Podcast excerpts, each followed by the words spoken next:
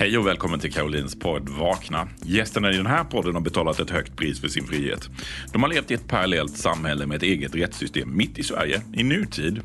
För priset du betalar för att lämna Jehovas vittnen, det är förlusten av alla dina vänner, din familj, släkt och hela ditt sociala nät. I de här intervjuerna delar gästerna sin historia om hur det är att leva inne i en parallellvärld. Om smärtan i att förstå att det man trodde var sant inte alls är det. Och om hur du överlever en social misshandel som kanske skulle kunna ha kostat dig livet. De berättar om vad som väckte dem och hur de har lyckats skaffa sig ett nytt och friskt liv. Du som håller på att vakna kommer att känna igen dig. Du som inte hade en aning om företeelsen kommer att förvånas. Det är dags att vakna med Caroline och gäster. Ofta framställs barndomen som Jehovas vittnen har som traumatisk och extrem. Media drar upp de värsta exempel och böcker beskriver i detalj trasiga och våldsamma familjer där barnen är ensamma och utsatta. Men stämmer den bilden alltid? Finns det nyanser?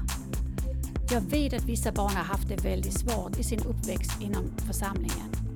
Ett axplock av dessa har fått dela sina smärtsamma upplevelser här i podden hos mig. Men hur går det för de barn som har en normal, lugn och trygg barndom med snälla föräldrar och bra kompisar i skolan?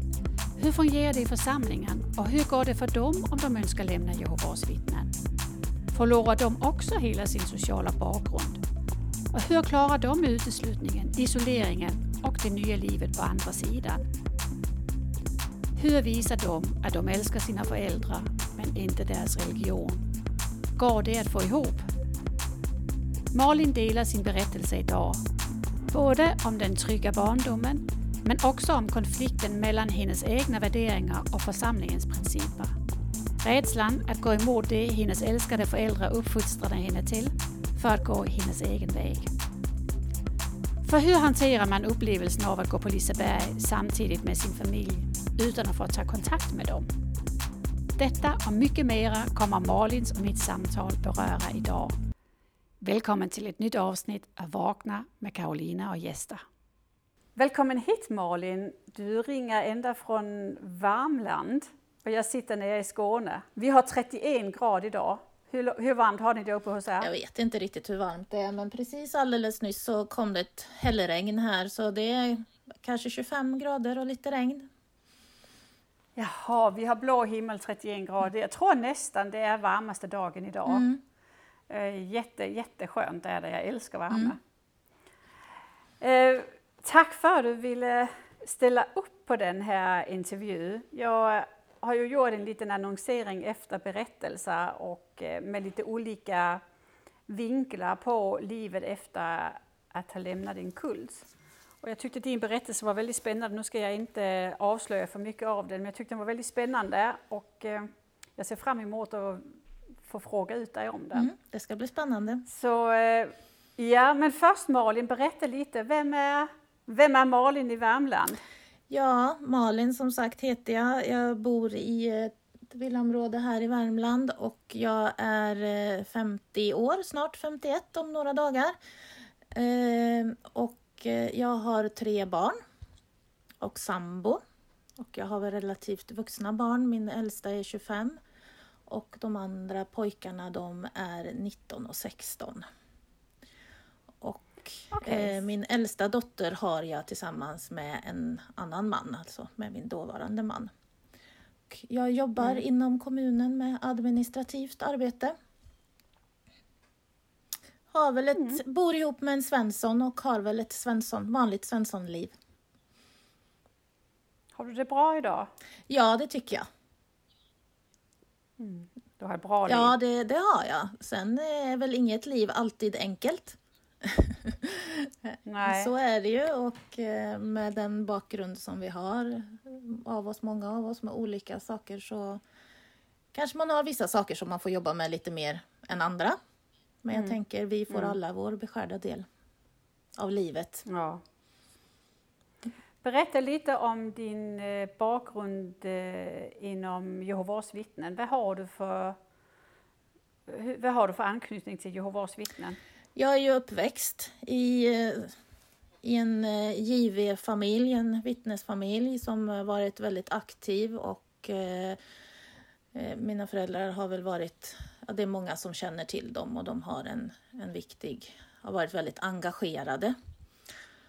Och eh, tillbaka i tiden så var ju mormor och morfar var ju vittnen och även farfar, men inte farmor. Hon var pingstvän så att det var väl lite kollision där. Men eh, eh, ja, en väldigt aktiv familj på alla fronter.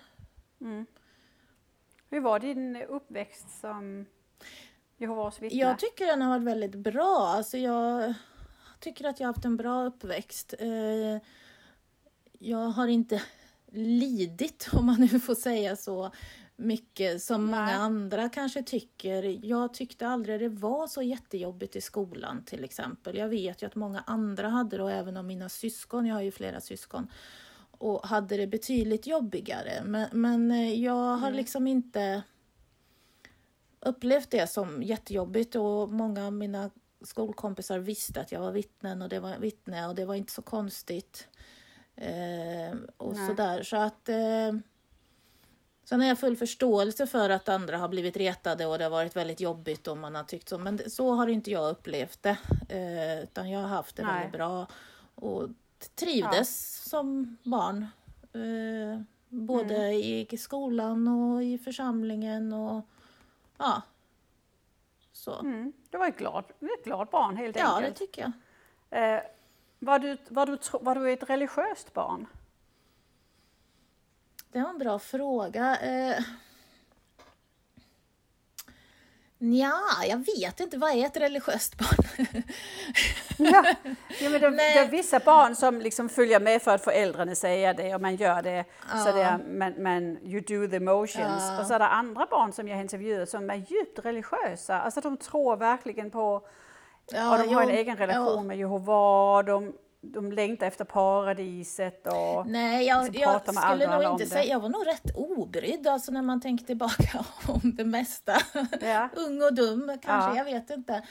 Men ehm, nej, jag- jag skulle inte säga att jag var så religiös. Sen visste jag ju inget annat, utan det var så här det levde och det var så här man Mm. hade det. Det var liksom, sen trodde jag väl, jag hade inga, tyckte inte det var så jobbigt att gå på möten heller. Jag tyckte det var oftast roligt, man träffade kompisar och vi var många barn och vi lekte, sprang fram och tillbaka och lekte, kommer jag ihåg, på rikessalen och, och eh, även sånt. Så att eh, jag hängde nog bara med.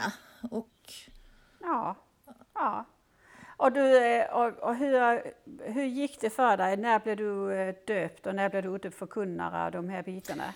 Eh, odöpt förkunnare kommer jag inte ihåg, men det var ganska tidigt. Men jag döpte mig väl runt 16-årsåldern, 15-16. Kommer inte ihåg exakt, men, men jag gick i skol, jag gick i gymnasiet, eller i högstadiet i alla fall, det vet jag. Så runt nian, åttan, nian. Hur kändes det när du döpte dig? Jo, men det var väl stort, tyckte jag.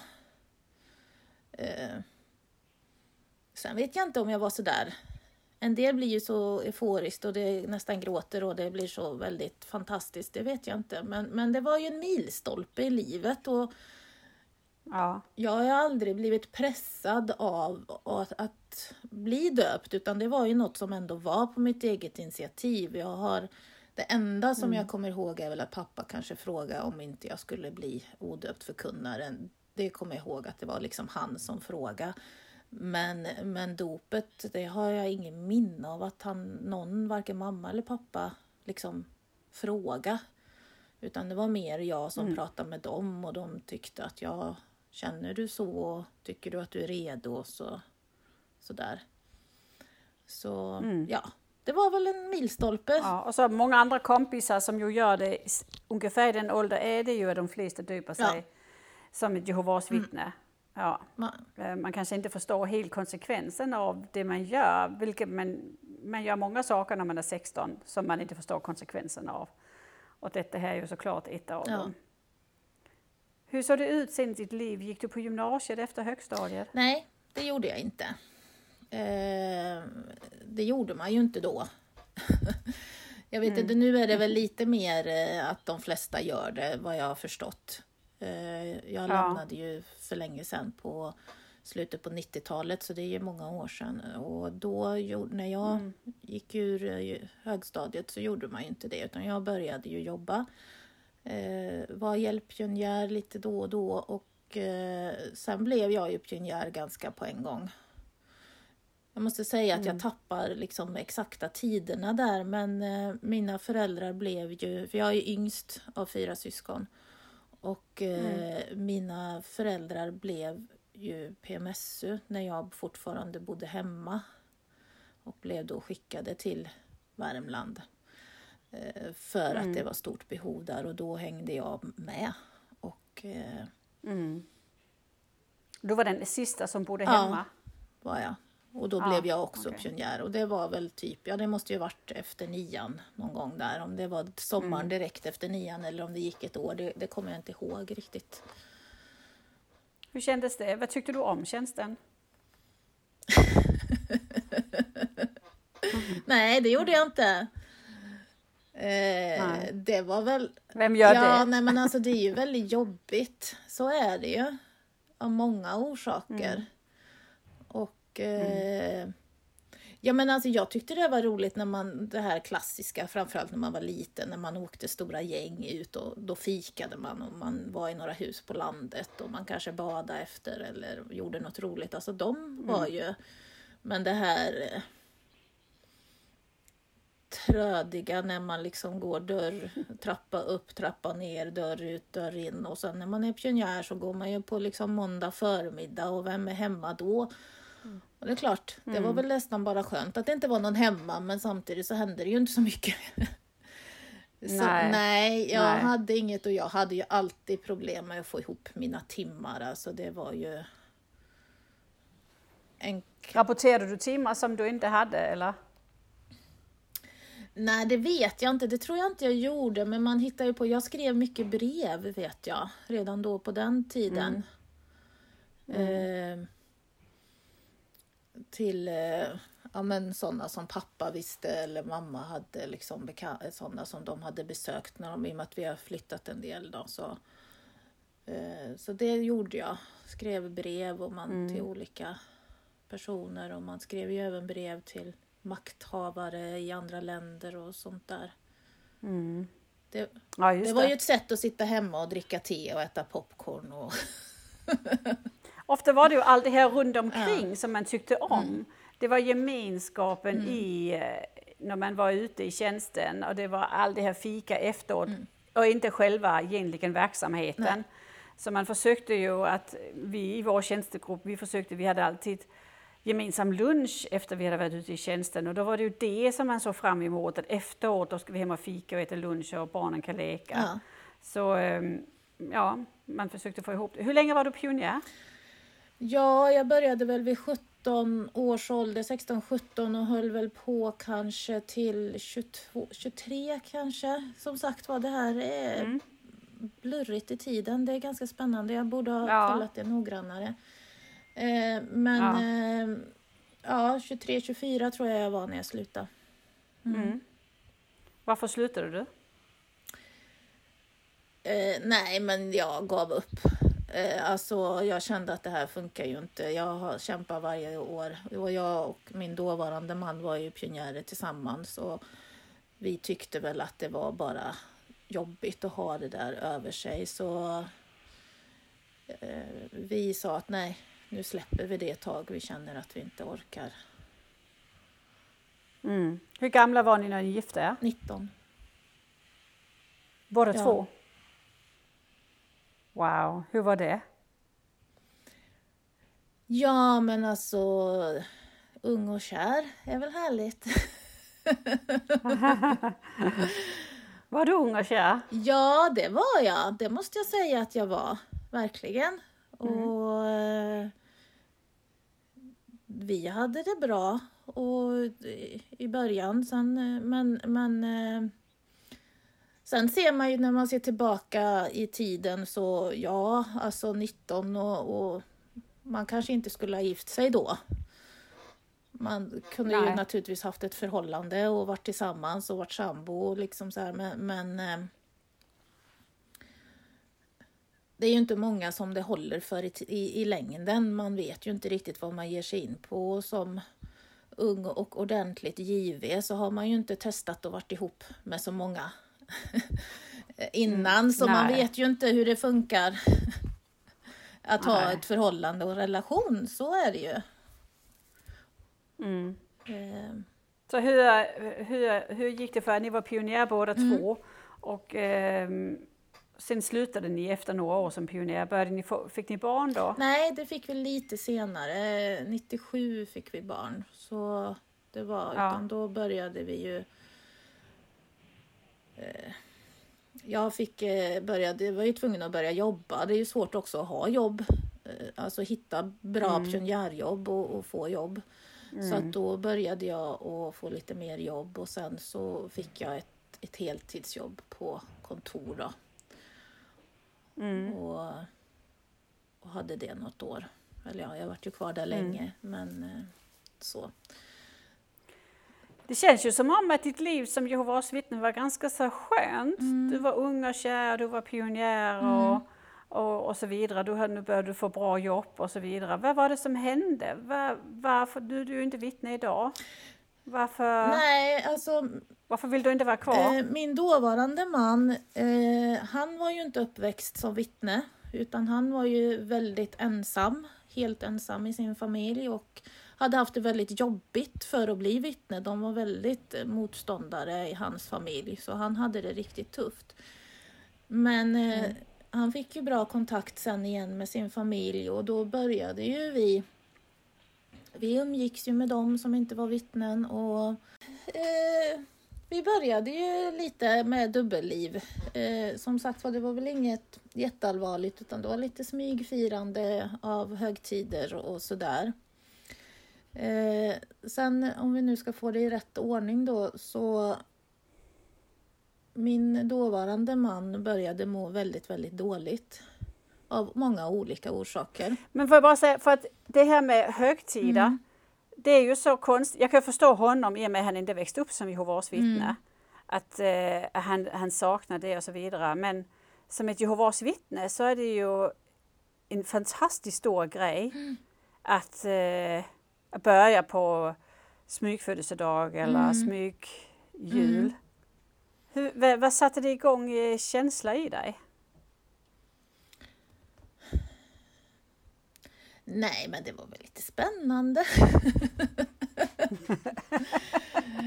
Du tänkte inte oj Jehovas ser nej, detta nej nu... men alltså. Jag kanske ska rätta mig lite. Eh, Det här borde jag tänkt igenom mer, men jag tror ju att Alltså att vi var ju, det här hände ju lite sak i slag i slag och, och lite sådär så att eh, vi hade det ju, fick ju det väldigt tufft där ett tag och, och då blev det ju liksom att man gled ur från församlingen mer. Och eh, då, då började vi ju lite grann. Nej men det började ju bli eh, lite mer eh, Nu tappade jag helt vad jag skulle säga.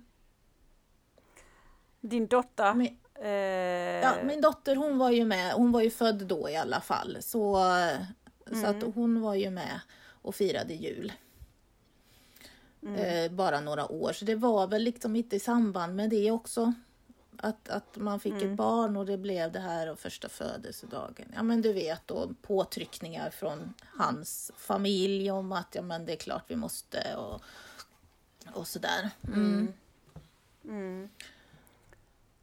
Så, så, så Så då började det lite. Ja, vi hade nog börjat att glida ut lite mer innan vi innan där också. Så att vi, det var ju inte Gick ni så. på alla möten? Det, nej, och- det gjorde vi ju inte. Så det var ju inte så att vi gick från sluta pionjär ena dagen börja små, smygfira jul dagen efter. Så, så var det ju inte. Utan det Nej. var ju en lång period och vi var i, i gråzonen av många orsaker. Mm. Eh, Mm. så. Var bröderna, var församlingen efter er, försöker få er liksom dra er in på mötet och, och din familj också. Du hade en väldigt eh, engagerad familj. Var de uppmärksamma på hur det såg ut för er? Ja, det var de. Eh, men de var inte så tjatiga. Alltså min familj var inte så tjatig så. Ska jag påstå. Utan de har ändå hållit sig så. Sen hade ju vi eh, så att vi tillhörde ju inte samma församling. Och då, mm. det är klart att de fick informationen att vi inte gick på möten och att vi inte mm. gick i tjänsten. Det är klart att de fick den informationen och, och, visste det, men de kanske inte riktigt visste utbredningen av det på det sättet. Nej. Men vi har ju alltid haft mycket kontakt med dem, så de har väl ändå förstått, förstod mm. väl ändå att vi var overksamma. Mm. Eh, ja, så lite, smyg, lite smyghögtida ja. och ni började, slutade gå på möten. Mm. Var, hur utvecklade det sig sen? Nej, men I samband med att det här hände, som sagt var, så mådde ju min dåvarande man väldigt, väldigt dåligt eh, psykiskt och hade det jättetufft. Och det var ju också naturligtvis påverkade ju mig. Och eh, mm. det var väldigt turbulent där det var vissa eh, äldste som ställde upp och hjälpte till men definitivt inte alla. Men vi hade mm. någon enstaka som vi hade kontakt med. Men det slutade i att han blev utesluten. Så okay. att under en period så var jag med men han var utesluten. Och hans mm. krasch, om vi nu ska säga det så, eh, var ju början på slutet. Mm. Och det var egentligen innan eh, vår dotter föddes. För sen kom okay. han tillbaka, för han ville ju egentligen inte bli utesluten. Men, eh, men eh, och det var väldigt turbulent där, för han ville verkligen inte vara utesluten. Och det var ju väldigt jobbigt för mig att vara ensam. Mm. Och mm. hur man behandlar en sån situation vet till exempel en mm. av mina bästa pionjärsystervänner skulle gifta sig och du vet hur många gånger man har gått och pratat om bröllop när man har varit i tjänsten och sådär. Och, och mm. jag vart inte bjuden för att jag hade en man som var utesluten. Och, och liksom inte Va? ens att de sa någonting. Alltså de kunde ju ha bjudit bara mig, det hade jag ju förstått. Eh, att de inte ja. kan ha honom med, men liksom inte ens kommenterade mm. det. Eh, ja, de, jag kanske var olämplig mm. i mig själv, men, men alltså det var ju en sån sak som man kände liksom, vad, vad är det här för vänner ja. vi har egentligen liksom som Ja, ja men ni vet, du, du vet ju hur ett bröllop på, mm. i, inom församlingen är. I stort sett alla är med mm. och man, alla är med på vigseln. Mm. Sen kanske inte det alltid är fest, men jag menar det är ju en stor händelse i en församling. Mm. Och vi hade ju liksom, hur många timmar hade inte vi spenderat ihop? Och hon hade ju även mm. varit, till, kände ju väl min man naturligtvis, för vi var ju pionjärer samtidigt. Och hon liksom, mm. ja, så det, det är en sån här grej som jag väldigt tydligt kommer ihåg att det tog väldigt hårt. Och under den här perioden då det var väldigt jobbigt där, eh, då jobbade jag och hade ju det här vanliga jobbet med, med och att liksom, jag kände att mina arbetskompisar kanske brydde sig mer om mig och frågade hur det var och, mm. och så än de i församlingen. Visste de det här med att din man var utesluten och du var själv i församlingen? Nej, det visste de inte. Men de visste ju att Nej, han... Men de visste bara att han mådde dåligt ja. och var sjuk. Ja. Jag har ofta tänkt på det här med att utesluta de som mår psykiskt dåligt, att det är en, en väldigt, väldigt hjärtlös handling. Ja. Därför att inte bara har du det dåligt och känner dig utanför mm. i samhället, men du blir också markerad, alltså du får inte vara med längre. Eh, det tar väldigt hårt när man inte mår bra. Jag har en, eh, för, alltså en jag träffade en mamma på en, en eh, sammankomst i Strängnäs. En äldre dam som ett par så som alltid hade brytt sig väldigt mycket om oss tidigare och varit så. Hon frågade mig då, hur går det för dig? Och då sa jag, ja det är jobbigt. Och jag vet att hennes dotter var ju också utesluten sedan många, många år. Och hon sa bara, mm. det är djävulskt. Och det, Det är en ganska tal... Det sa hon om Ja, uteslutningen. hon kommenterade bara, hon frågade hur mår du? Ja, nej det är jobbigt och, och sådär. Och då hennes enda kommentar Ja. var det här, det är djävulskt. Och det, det var inte många ord men det sa väldigt mycket om vad hon tyckte och vad hon kände. Som också då hade levt Ja. i det här. Men det, det som jag vill säga är att det finns en ganska markant sak som jag var med och som gjorde att som tippade mig över kanten och drog igång alltihop. Hela den livskris som det faktiskt var då. Eh, när jag både skilde mig och lämnade. Och det var att jag satt på jobbet och eh, vi jobbade lite sent och det kommer in en arbetskamrat som sitter och pratar med mig och vi pratar om lite allt möjligt. Jag kommer faktiskt inte ens ihåg vad exakt vi pratade om. Jag tror vi pratade om jobbet och min utveckling där. Och vad jag ville, för jag hade ju ingen utbildning och vad jag ville och sådär. Och den här, han frågade mig eh, sådär, ja ah, men vad vill du då och vad, vad känner du och vad tycker du om det här och vad vill du? Och, och jag drog igång mitt prat och började prata och han säger, nej nej stopp stopp. Jag frågade vad Malin vill. Vad vill Malin? Vad vill du? Och då blev jag ju alldeles tyst. Och eh, ja, flera gånger. Han, han har ingen aning om vad han gjorde, vad han är orsaken till. Eh, men, men det drog, som sagt jag kommer inte ens ihåg vad vi pratade om, men jag tror vi pratade om jobb generellt. Ja men du vet sådär, och vad vill du utbilda dig eller vad vill du och sådär. Och eh, Det- för det var, Det är väldigt intressant för att eh, jag har varit ute för detsamma. Jag gick en ledarskapsutbildning och, eh, och det var en övning det här med att man skulle sätta ord på vad man vill, vad man vill uppnå. Och jag hittade mig själv också i loopen och hela tiden prata om mitt äktenskap, min man som mådde dåligt, eh, nu skulle han börja och arbetsträna och bla bla bla. mm, Jag pratade inte alls om mig själv vad jag ville. nej. Det är så konstigt. Ja, men vad, vad hände efter ditt samtal där? Ja, men det drog ju igång en del så att eh, ganska strax därefter så började vi då prata om vårt förhållande och vi kom väl fram till att det inte var så bra att vi då hade vi ju fått barn eh, och att eh, ingen av oss kände att det här orkar vi riktigt eller vill. Så eh, vi bestämde oss för att ta time-out. Eh, separera får man ju göra. man måste inte bo ihop. Mm. Och eh, det var faktiskt något som mina föräldrar också var helt, för vi har ändå haft väldigt, jag är yngsta barnet och eh, Mm. de har alltid varit väldigt nära och väldigt, eh, både mig och min dåvarande man. Eh, Så eh, de tyckte väl också, de såg att vi inte mådde bra. Så de tyckte väl också att det var en, en bra idé.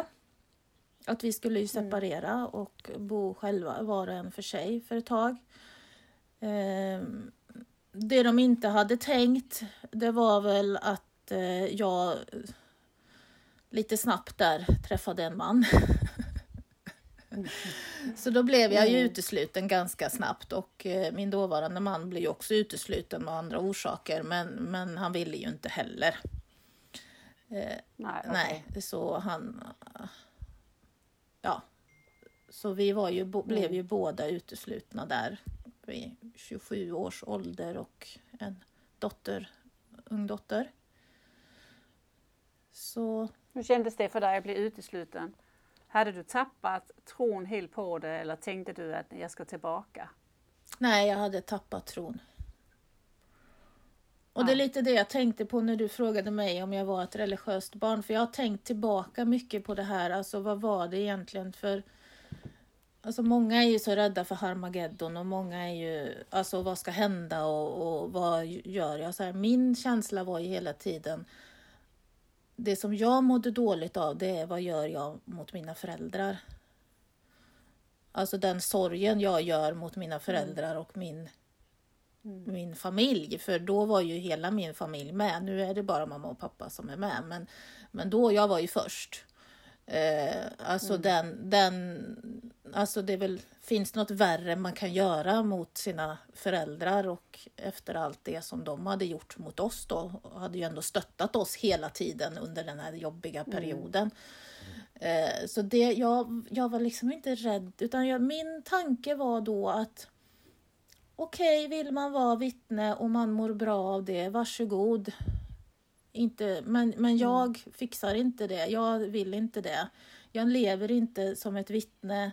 Jag vill inte vara någon som ställer till det för andra när de säger ja men jag vet en som min sambo röker, för det testade jag väl någon gång då, mm. och, och, och, och, dricker och, och är ute och festar med kompisar och, och sådär som är vittne. Och det mm. sa ju till och med någon till mig, att eh, det var min mamma som sa det, men du behöver ju inte gå på möten, du kan väl bara vara med. Liksom. Och då sa jag, men mamma du vet ju att det inte är det rätta. Du vet ju att är jag mm. ett vittne ska jag gå på möten. Mm. Och, eh, så att jag var, hade nog tappat tron där. Jag, jag mm. På något vis brydde jag mig inte i alla fall om att jag kanske skulle Nej. dö för att jag fixade inte det då. Nej. Du hade väl, eh, hur blev det med kontakten med din uteslutning? Blev du helt själv när du stod där? Ja, eh, jag hade kontakt med mamma och pappa och eh, ganska på en gång också kontakt med min äldsta syster. Men mm. annars var jag helt själv. Mm. Hur kändes det? Ja, alltså det var ju jättejobbigt. Eh, sen hade ju mm. jag och min dåvarande man, vi hade bra kontakt. Vi hade ju ändå, även om vi inte, vi hade ändå relativt bra kontakt och, och vi hade ju liksom delad vårdnad och, och sådär. Så att jag hade ju ändå honom, mitt, mitt nätverk och sen träffade jag ju en annan man och, och han klev ju in i mitt liv ganska och han var jag ju öppen med ganska på en gång och talade om att, hur det låg till och han så han har ju hela tiden vetat om och han så att eh, det hade jag ju och min, min äldsta stora mm. syster. Men eh, jag vet ju när jag var, vi var på Liseberg, jag och, och eh, min, min sambo nu då Per och eh, han eh, och min, alla mina andra syskon var där också men de eh, ville inte träffa mig. Ja, min äldsta syster tog eh, min dotter så att hon fick vara med dem och åka lite så att jag så det var... Var det en ren tillfällighet att ni var där ja, samtidigt? Ja, det var det. Ja. Det är djävulskt. Mm. Och det är också någonting som gör med barnen. För det, min mamma, eller min, eh, min dotter, yngsta dotter reagerade mycket på det när jag blev utesluten. Mm. Hon var nio. Mm. Hon bara, men varför tycker de inte om dig längre? Mm. Liksom, hon, hon såg det som om att, att, att jag hade gjort dem någonting och de inte tyckte om mm. mig. Och hon kunde inte få ihop det, för hon tyckte ju om sin mamma. Ja. Sen ska jag väl säga till deras försvar att de har ju bevisligen ändrat uppfattning och vi har även pratat om det här. Men, mm. men jag har ju på ett sätt mm. förståelse för det. Eh, mm. Sen är det ju också jättesjukt för att jag hade väl någon slags dåligt samvete mot mina föräldrar så att jag vet att jag gick på åminnelsen eh, några gånger även när jag var utesluten. Mm. Och då var min sambo Per med, eh, med någon gång. För han tyckte, ja, ja han är religionslärare och liksom, ja men det här kan vara spännande, mm. jag hänger på. Mm. Så han var ju med och då sitter vi där som man får göra, du vet, sitta längst bak. Mm. Och då hade jag min son med som satt i mitt knä. Och folk kommer fram och hälsar på min sambo och min son som sitter i mitt knä, men inte på mig. Och det reagerade mm. ju, alltså det är ju liksom så, så tydligt liksom. Ja. ja. Sitter och gullar med en liten, liten bebis som är i mitt knä men låtsas som att jag inte som håller i bebisen. Ja. Ja. Och det är ju också... Det är så ovärdigt. Ja. Jag har sagt det många gånger äh. till, till honom för jag har försökt förklara. Och jag har sagt att skulle Hitler komma in på en rikessal så skulle han bli mer välbemött än vad jag gör. Ja. Jo, alltså, jo, så, absolut. så är det ju och det, det tycker jag är ganska talande. Ja. Liksom, att det, då skulle de mm. passa på och försöka. Mm. Mm. Men, eh, Varva honom. Ja, men eh, inte... Mm. Hur känner din sambo för Jehova? Är det samma sambo mm. du har? Hur känner han för, för den religionen? Jag vet inte om han känner så mycket. Han är nyfiken och tycker det är intressant. Pappa kan ibland försöka predika lite för honom och han brukar ofta fråga och pappa har varit aktiv i många olika och så han brukar ofta fråga liksom för att han är nyfiken och hur funkar det mer sådär. Mm. Eh, han har nog inga känslor direkt så, men det är klart att han tycker att mycket är konstigt och det är klart han såg ju hur tufft det var för mig och att jag varit helt ensam och mm. hur ledsen jag man har varit många gånger. Eh, så. Mm. Hur, eh, hur ser du på Jehovas vittnen idag? Ser du på det som en sekt eller ser du på det som en, ett samfund, religiöst samfund? Eh, jag ser det på det som en sekt. Eh, du har ju även frågor här, en del av de här grejerna är ju när man vaknade. Och jag mm. skulle ju säga att jag vaknade ganska väldigt sent, jag skulle säga ganska nyligen egentligen. För, för, mig, för mig har eh, det här varit, ja men det har varit en jag, jag, vill inte vara med. Jag har hållit mig bort från vad som kallas avfällingar. och, mm. och liksom, det har inte varit intressant alls för mig och jag har inte velat bli den här bittra som bara sitter och är offer och pratar om hur hemskt det var och vad fruktansvärt. Mm. Utan jag har resonerat väldigt länge att trivs man med det, varsågod. Eh, jag har inga åsikter, mm. men jag vill inte vara med. Eh, sen rullade ju mitt liv på ganska på en gång där. Jag träffade en man som jag sa, eh, fick ny familj, nya barn, utbildade mig, gick på universitetet, rakt in i ett ganska bra jobb som krävde mycket in i ekorrhjulet mm. totalt och blev väl utkastad eller in, in i väggen 2015 gick jag in i väggen. Mm. Och mm. insåg väl då att jag har ju egentligen inte bearbetat något av det här, varken min uteslutning, min skilsmässa, alltså den jätte... Jag hade inte, såg inte det då som en livskris. Nu kan jag säga att det var en jättelivskris, men då såg jag inte som det, utan det var ja, det är något som har hänt, jag har tagit mig igenom det och nu har jag, jobbar jag vidare.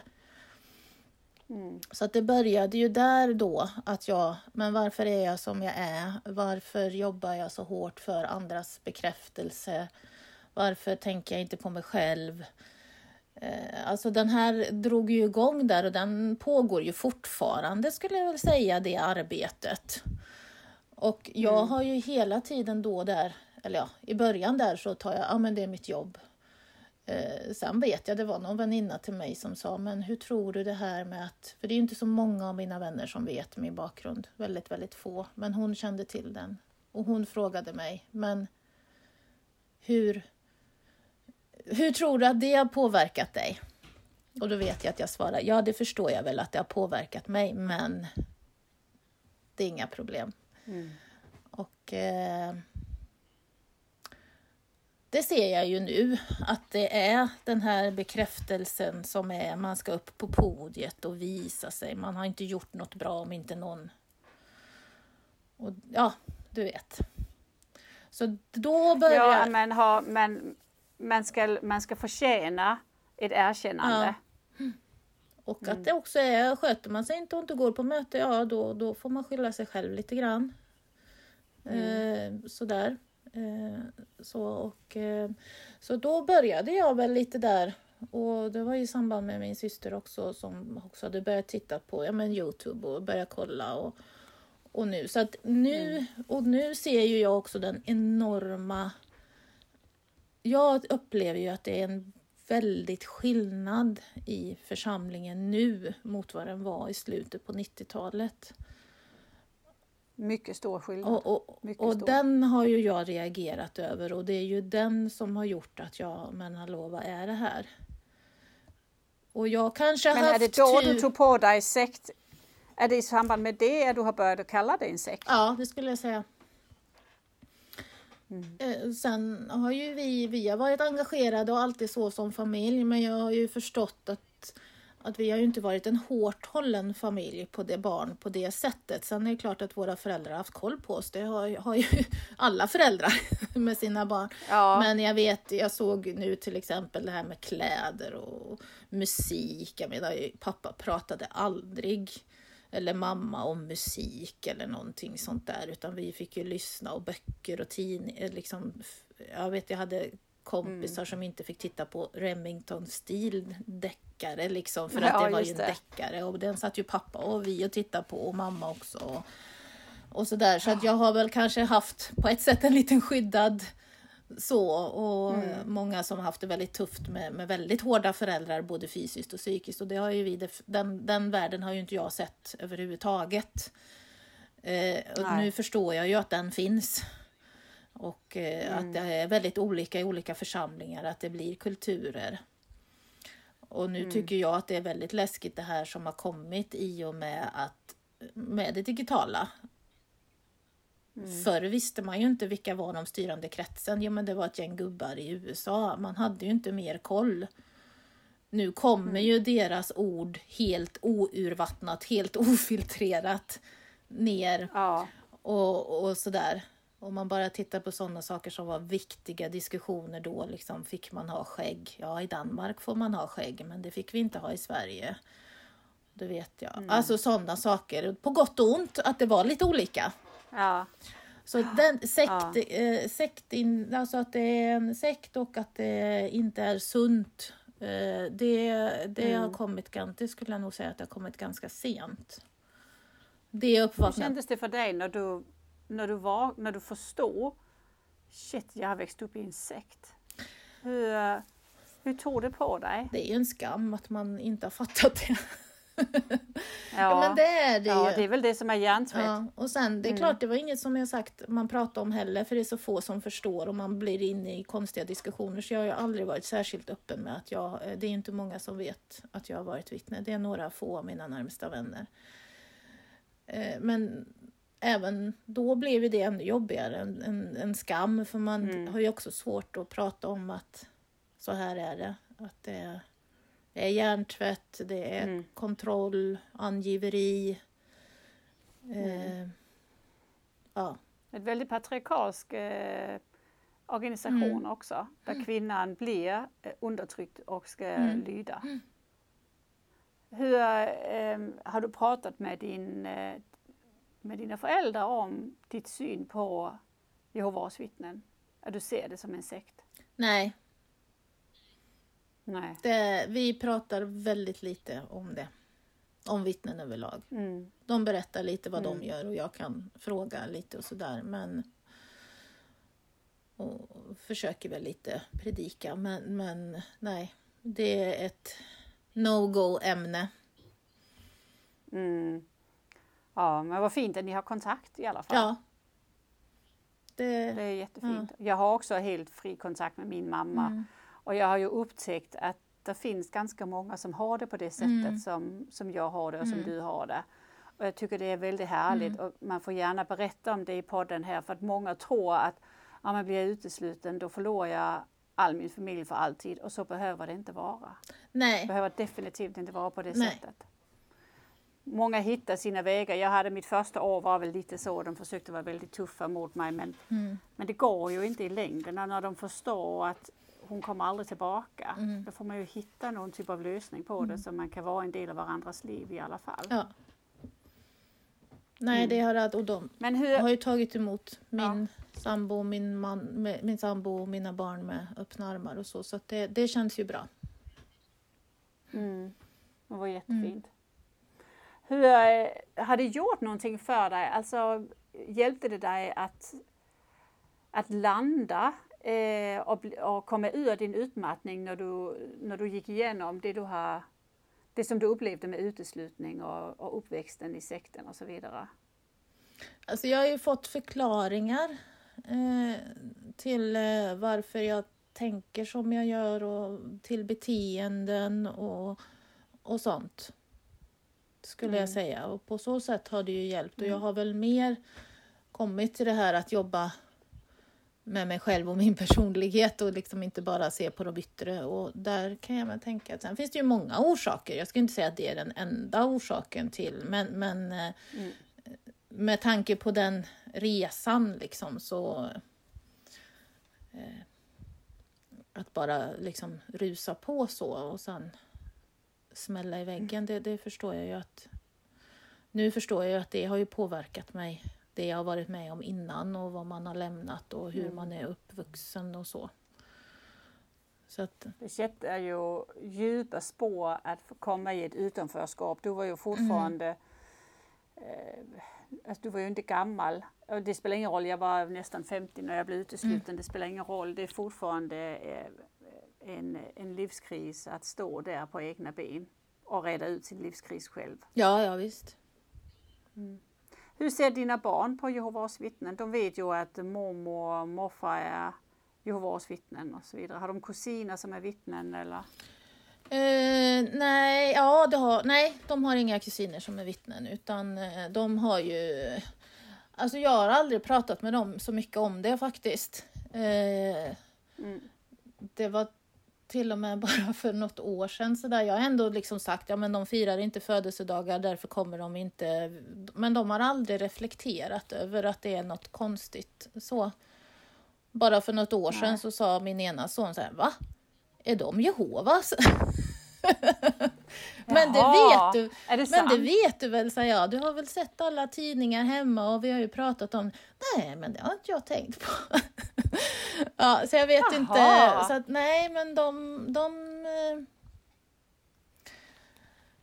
de har, de har ju ändå haft kontakt med, i och med att eh, större delen av eh, deras uppväxt så har ju deras kusiner och, och, mina syskon inte varit vittnen så att de har ju inte tänkt på det så mycket. Mm. Nej. Det som är så intressant, för du, verkar ju, du har ju inte, eh, du har ju klarat det väldigt bra, eh, både ditt liv som Jehovas vittne och även ditt liv efter mm. du lämnade Jehovas vittnen. Och det är just de här berättelserna som jag så tycker är så intressanta att lyfta fram för att när du sitter i församlingar i Jehovas vittne så tänker du, ja men Malin hon lämnade, hon, ja hon har jag hört, hon har, fru, hon har man och barn och det går bra för henne. Mm. Och så tänker man inte på att det är ett jättearbete mm. som ligger bakom det livet som man bygger upp på nytt. Mm. Och eh, mycket ansträngning och även min som ligger på det. Man bara slår bort det och tänker, ja ja men det har ju gått, hon, hon var ju jättebra mm. eller mm. så. Um, och det gör du ju. Mm. Men det är så intressant att höra de berättelserna för de försvinner bara ut i ingenting. Mm. När du är Jehovas vittne så alla de här som dig och många andra innan sociala medier kom, de bara försvinner ut i ingenting. Mm. Liksom puff, då är du borta mm. från ena dagen till andra dagen. Mm. Borta från deras liv. Mm. Jag brukar tycka, tänka när man, det är inte så ofta det händer men och det är inte så många som kanske känner igen mig för det är ändå många år sedan sådär, men ibland när man möter på stan eh, sådana som är, är vittnen och, och sådär, att liksom det är jag som går rakryggad fram och så, det är de som kryper ihop sig och tycker att det är jobbigt. Mm. Det. Jag hälsar alltid frisk och frejdigt. Ja. För det gör jag med människor jag känner. Ja. Jag vill inte ta på mig deras norm att, att plötsligt så pekar jag ut vem jag vill hälsa på mm. eller inte hälsa på. Så jag hade en, en, en väldigt rolig upplevelse bara häromdagen. Jag gick på stranden och så träffade jag en som jag var i församling med då för fyra år sedan. Och jag såg hur han såg mig. Och jag känner igen honom och mm. sa men hej, hur är det med dig? Och hans fru var ju hållit på att trilla ner, hon höll på att binda cyklarna och höll på mm. att nästan stupa. Men jag pratade på och han ja men det går bra och bla bla bla. Vi pratade lite vind och väder och så vidare. Sen gick jag vidare. Som man gör med, med människor man känner till. Mm. Han har ja. aldrig varit min bästa kompis nej. eller så, men jag vet ju vem han är och han vet vem jag är. Det är väl klart man snicksnackar. Mm. Eh, och det kör jag stenhårt på med alla mm. jag har haft liksom, som jag känner igen. Mm. Och för det mesta så går det väldigt bra, mm. för de blir tagna lite på sängen. Ja. Och, ehm, och så var jag ganska övertygad om att de går hem och tittar på Facebook och kollar lite, men vad, hur är det Jenny med Caroline? Och så hoppas jag alltid att de hittar podden och sådana ja. ja, precis. Men äh, ja, för det är, ju, det är ju det man ska tänka på. Vadå, ska jag respektera någonting? Men jag vill inte, jag respekterar inte rasism heller. Nej. Jag, jag respekterar inte homofobi heller. Mm. Varför, varför ska jag respektera någonting som de tycker är, är deras norm? Men det är inte min norm. Nej. Min norm är, och det har jag uppfostrat mina barn till, att träffar du någon på gatan du känner, då hejar mm. du. Och då kanske växlar några mm. ord. Träffar du någon från skolan så gör du mm. det. Träffar du någon gammal lärare så gör du det. Mm. Och det klart jag gör det också. Det är väldigt konstigt annars. Ja, ja, nej, men det är ju jättemärkligt. Alltså mm. vilket... Eh... Då känner jag mig ju extra rakryggad. Ja. För det är ju... Jo men man gör ju det. Jag hade ju kunnat, jag har inget, jag ja, har jag hade kunnat kasta sten på dem, liksom rötägg. Som hur ni beter ja. Men eh, man vill ju, nej. Mm. Men om man tänker så här eh, på organisationen. Nu har ju Jehovas vittnen varit riktigt i blåsväder sista halvåret. Mm. Med SVT och böcker mm. och så vidare har kommit ut. Mm. Tycker du att myndigheterna har ett ansvar mot den här typen av sekt som i Sverige? Eh, ja, det tycker jag. Eh, sen är det svårt för dem att gå in och styra men jag tycker ju då som till exempel som så många andra att eh, det ska ju inte gå skattepengar. Eh, och där är ju en mm. sak som man reagerar över. Jag trodde ju först inte det var sant mm. när man hörde att vittnena inte bara fick utan tog emot och sen dessutom bråkade om det. Och det är väl ett sätt mm. att markera att man inte tycker vad som helst är okej. Okay, är ju att inte stödja eh, organisationer som inte står upp för de här mänskliga rättigheterna, för det är det ju faktiskt ändå som det handlar om i många fall, och mm. yttrandefrihet eh, och delta i, i demokratin och, och så här. Och, och jag mm. vet, jag, och sen tycker jag också att det är viktigt att man också informerar om, för det är ju en slags hederskultur skulle jag säga, Eh, och mm. att man informerar om det. Jag vet att i mitt jobb så jobbade jag med att ta fram en plan för hur man ska stävja hedersrelaterat våld i, i kommunen. Mm. Och, och jag sa ju fler, fick ju liksom flera gånger säga att liksom, ja men det är inte bara de här som man då först kanske tänker eh, muslimska kulturer. Det finns även i många andra sammanhang. Och, och, jag, och det mm. var ju väldigt svårt att, att, att, få in det och jag vet när jag pratade med, med många som jobbar inom skolan så där, och det var ju någon som sa det, nej men om jag kommer på till exempel ett barn, att, att inte skolan ska vara så snabba och rapportera hem till exempel allting som händer. Han tog ett mm. exempel, mm. den här killen, att ja, men jag träffade en som smygrökte och jag sa att sluta du, men jag kommer, ringer hem om jag ser att du fortsätter. Och det kan man ju tänka, ja. vad hade hänt med ett vittnes barn om någon på skolan hade ringt hem och sagt att jag såg att lille Kalle smygrökte här. Ja. Alltså sådana såna saker tycker jag ju ändå att myndigheterna mm. har, att man, man ändå får tänka på på mm. det och att man, myndigheterna har, sen kan de ju inte gå in och styra att eh, i församlingen eller förbjuda eller någonting sånt, för det har vi ju. Fast jag tycker ju ändå att när det gäller det här med barn som döper ja. sig och de, alltså när du är en omyndig mm. person mm. döper sig och i princip är det ju att man signar ett avtal mm. med, för resten av sitt mm. liv som omyndig människa. Mm. Det, det tycker jag är straff, straffbart. För de konsekvenser som sen mm. blir av det är ju oöverstigliga. Mm.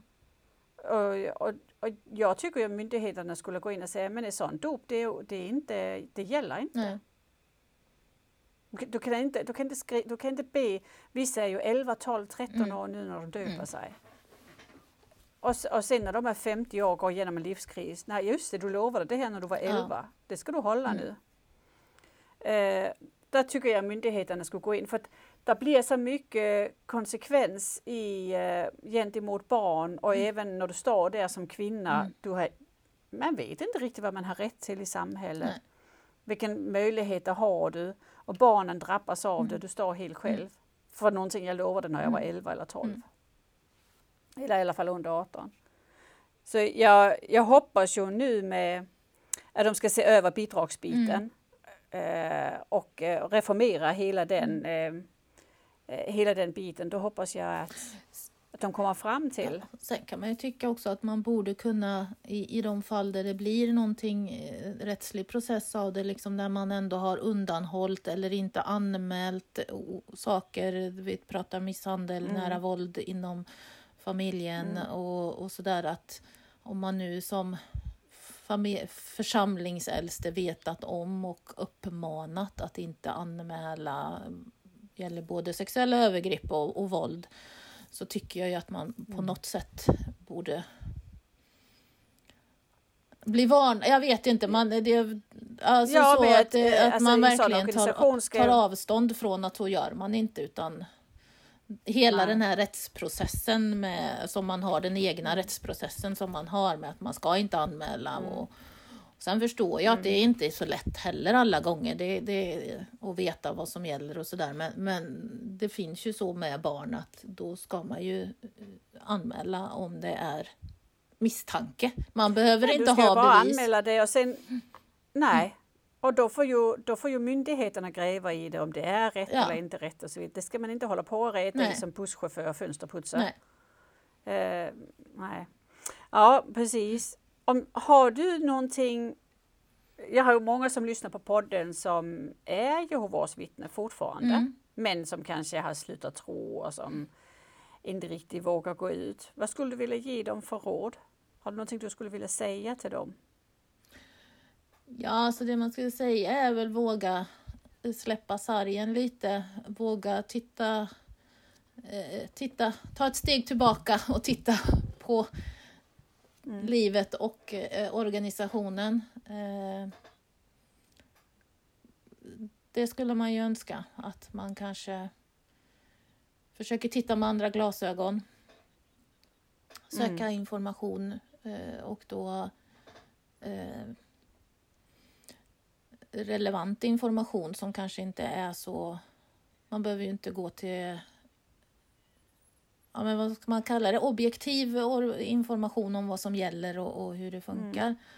Och jag skulle då också vilja säga att eh, en av orsakerna till att jag är med i den här podden och att man ska lyssna och fortsätta, fortsätta att lyssna på den, det är just att men jag tycker att det här ändå är ett sansat sätt och att eh, många får komma till tals på ett sansat sätt och nyanserat. Så fortsätt att lyssna på mm. podden och ta information om det tycker jag. För att som jag sa, jag vaknade inte. Men det var ju också för att jag släppte det helt. Det här är inte mitt liv, jag vill inte vara med. Men samtidigt så såg jag att för mig var alla andra uteslutna, rabiata, som bara ägnade sitt liv åt fortfarande ägnade sitt liv åt vittnena inom någon bitter kamp. och, mm. och, och det vill inte jag vara någon del av och därför så tog jag avstånd från allt det. Men nu har jag sett mm. att det finns eh, ex-vittnen som är nyanserade och som kan prata om att ja, men man kan ha ett bra liv, eh, och man kan, men, men det finns delar i det här som inte är okej, okay, men det behöver inte betyda att allt är att man har ett, haft ett mm. helkastliv. Mm. Eh, Nej, absolut Och inte. att det finns, absolut som vi sa, vi pratade om, tjänsten kanske inte var så himla kul, men det var kul att åka ut i skogen och fika och, och sådär. Att man även tar fram mm. de delarna. Eh, mm. Att det är en mer nyanserad bild. Och det mm. tycker jag mm. att eh, är viktigt. Det är väl det som är den san, san, eh, sanna bilden att alla har haft olika upplevelser och det finns ju ruttna familjer mm. och det finns bra familjer. Du, du har ju växt upp i en väldigt eh, frisk familj. Mm. Det har jag också gjort. Vilket har gjort också att jag har kunnat klara av, jag har varit rustad för att klara det här mm. livet utanför. Mm. Men tyvärr så är det de som har ruttna familjer med missbruk eh, och eh, misshandel mm. de kanske kan gömma sig ganska enkelt i en sån här patriarkalsk organisation. Mm. Eh, och de, de behöver ju eh, då behöver myndigheterna vara öppen för mm. det och få upp ögonen för eh, de här barnen mm. som är utsatta i familjen. Lever de också i en utsatt subkultur? Mm. För då är det ingen som hör dem. Nej. Så det finns ju många olika aspekter av det. Sen är det ju som vi pratade om innan också att det är ju vanliga människor. Om man säger de har ingen, de här som ska då ta hand om alla i församlingen, de har ju inte den Mm. utbildningen, de har inte den kunskapen. Eh, det kan också sådana som tycker att det är lite roligt att ta makten passar på. Småpåvar har vi väl alla sett. Och småpåvefamiljer har vi väl alla sett i, i, som gärna vill, i, framförallt i mindre församlingar och bli tvingade. Alltså jag tänker många äldstebröder som blir tvingade att sitta i uteslutningskommittéer och, och sådär. Det är ju helt... Jag vet, vi hade en, det- en av de få äldstebröderna som, som brydde sig mycket om oss, som var mycket hemma.